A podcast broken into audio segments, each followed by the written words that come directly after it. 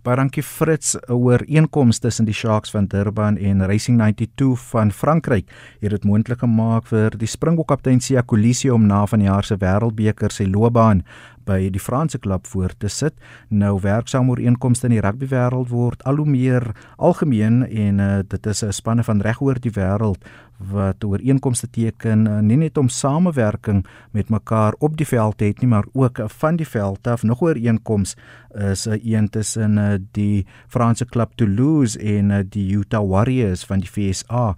Ek het met verteenwoordigers van albei die klubs oor die ooreenkoms wat uh, vroeër die week geteken is gepraat. Eers aan die woord is Kimball Kajar, uitvoerende hoof van die Utah Warriors. The Rugby Alliance really is meant to help grow the game of rugby overall. As we see it, the basic business proposition with the Rugby Alliance is the opportunity to utilize new and innovative branding, media content, and other initiatives that uh, haven't really been utilized meaningfully in the game of rugby to date. We really want to help grow the brand of uh, Stade Toulousain in North America. We'd also like to expand the Utah Warriors brand around the globe. And we also want to just help grow the game of rugby so that new kids and new generations can fall in love with the sport, utilizing new mediums that are available to us uh, in, in, today's economy and in today's environment. With social media proliferation, with the, the, the content beast that is out there worldwide on, on various different platforms, we have new ways to help grow the game.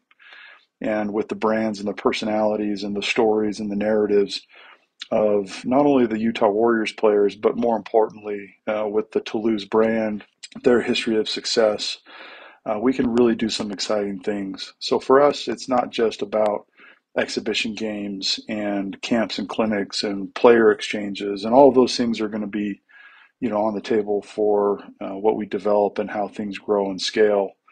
But really, what the Rugby Alliance is is really meant to do is to help grow the game of rugby by telling the stories of, of the people behind the game, the players, the staff members, the coaches, and helping people fall in love with the sport of rugby, particularly here in North America, where that game and the sport itself is still scratching, clawing, and uh, trying to climb out from underneath what is really the most competitive sports and entertainment market in the world.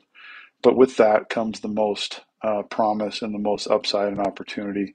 And so we're just really fortunate to have a group like Toulouse that is forward thinking, is innovative, and willing to try something new and different in order to not only grow their brand, but to also help grow the game of rugby uh, here, not only in our backyard of North America and in Utah, but also then to be able to pivot that to other things uh, on a more global scale. So we're very fortunate, we're very blessed, very grateful to partner with such a, a class and, and top organization. En dit was dan Kimball Kjar, uitvoerende hoof van die Utah Warriors oor hul alliansie met eh, Toulouse van Frankryk. Kom ons hoor van Toulouse se verteenwoordiger Vincent Bonnet en hy sal bemarkingsdirekteur.